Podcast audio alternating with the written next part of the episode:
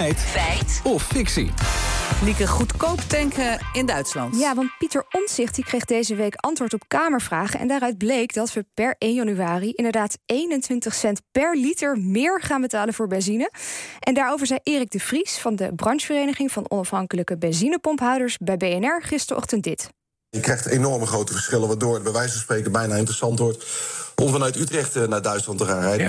Oké, hij zegt bij wijze van spreken. Maar goed, uh, het, het wordt dus interessant om erover na te denken... dat je vanuit Utrecht naar Duitsland gaat rijden om te gaan tanken. Ja, dat leek ons erg ver, dus we zijn het maar eens gaan uitzoeken. We belden eerst met Paul van Selms, woordvoerder van United Consumers... en we vroegen hem hoe het nu zit met de benzineprijzen hier en in Duitsland. De prijzen in Nederland voor benzine variëren uh, van ongeveer 2,15 euro tot 2,23 euro aan de pomp.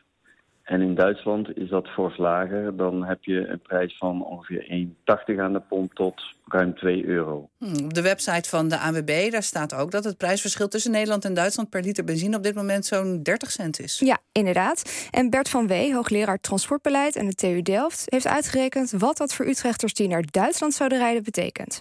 Als je van Utrecht naar Duitsland zou rijden en je gaat een stukje over de grens, bijvoorbeeld naar Emmerich, dan moet je ongeveer rekening houden met zo'n 190 à 200 kilometer wat je daarvoor moet rijden. Als je een auto hebt die 1 op 16 rijdt, dan ben je ongeveer, uitgaande van Duitse prijzen, 22 euro kwijt aan benzine. Als het prijsverschil 30 cent per liter is, wat nu het geval is, dan moet je ongeveer 70 liter benzine tanken om te spelen. Dat daalt naar zo'n 45 liter als er straks 20 cent per liter bij komt. Oké, je gaat in het nieuwe jaar korting pakken op benzine... wetende dat er in een tank 35 tot 60 liter benzine gaat. Maar dat kost je dus wel twee uur, hè? Ja, precies. Dus we volgen vervoerseconoom Erik Verhoef van de VU Amsterdam... even om die tijd dan ook door te rekenen. We gaan in uh, uh, Nederland uit van een uh, gemiddelde reistijdwaardering. Dus in geld uitgedrukt van wat is dat nou waard uh, een uur reizen, gemiddelde reistijdwaardering van uh, ongeveer 10 euro per uur. Nou, ik heb even gekeken als je naar het dorpje van, uh, wat vanuit Utrecht het snelst bereikbaar is in Duitsland. Ben je 1 uur en 8 minuten onderweg, dus dat is dik 2 uur omrijden. Dat is sowieso, alleen in reistijd is dat 20 euro waard. Ja, tot slot vroegen we van Selms vanaf welke afstanden tot de grens nu al loont om naar Duitsland te rijden om te tanken. Denk als je verder dan 20 kilometer van de grens uh, woont, dat dat minder interessant wordt. Dan neem je de moeite in tijd en geld niet meer.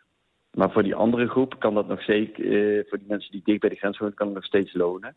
Hoewel het verschil ook wat minder groot is, omdat tankstations in Nederland aan de grens ook hun prijzen verlagen. En die zitten dus eerder aan de onderkant uh, van de prijzen in Nederland. Dus dan moet je van de adviesprijs van 15 cent aftrekken, bij wijze van spreken. Dan zit je op ruim 2 euro. Alright, ik hoor dat al een beetje. Terug naar de beginvraag. Wordt het in 2024 interessant om vanuit Utrecht naar Duitsland te gaan rijden om te tanken? Ja, het prijsverschil tussen Nederland en Duitsland is nu ongeveer 30 cent. En dat wordt 50 cent. Dus je pakt zeker korting op een tank. Maar je maakt ook kosten om in Duitsland te komen. En de tijdsinvestering, dat is ons Nederlanders ook wat waard. Dus nee, Suus, het loont voor ons niet om vanaf 1 januari helemaal naar Duitsland te rijden om te tanken. Het is fictie.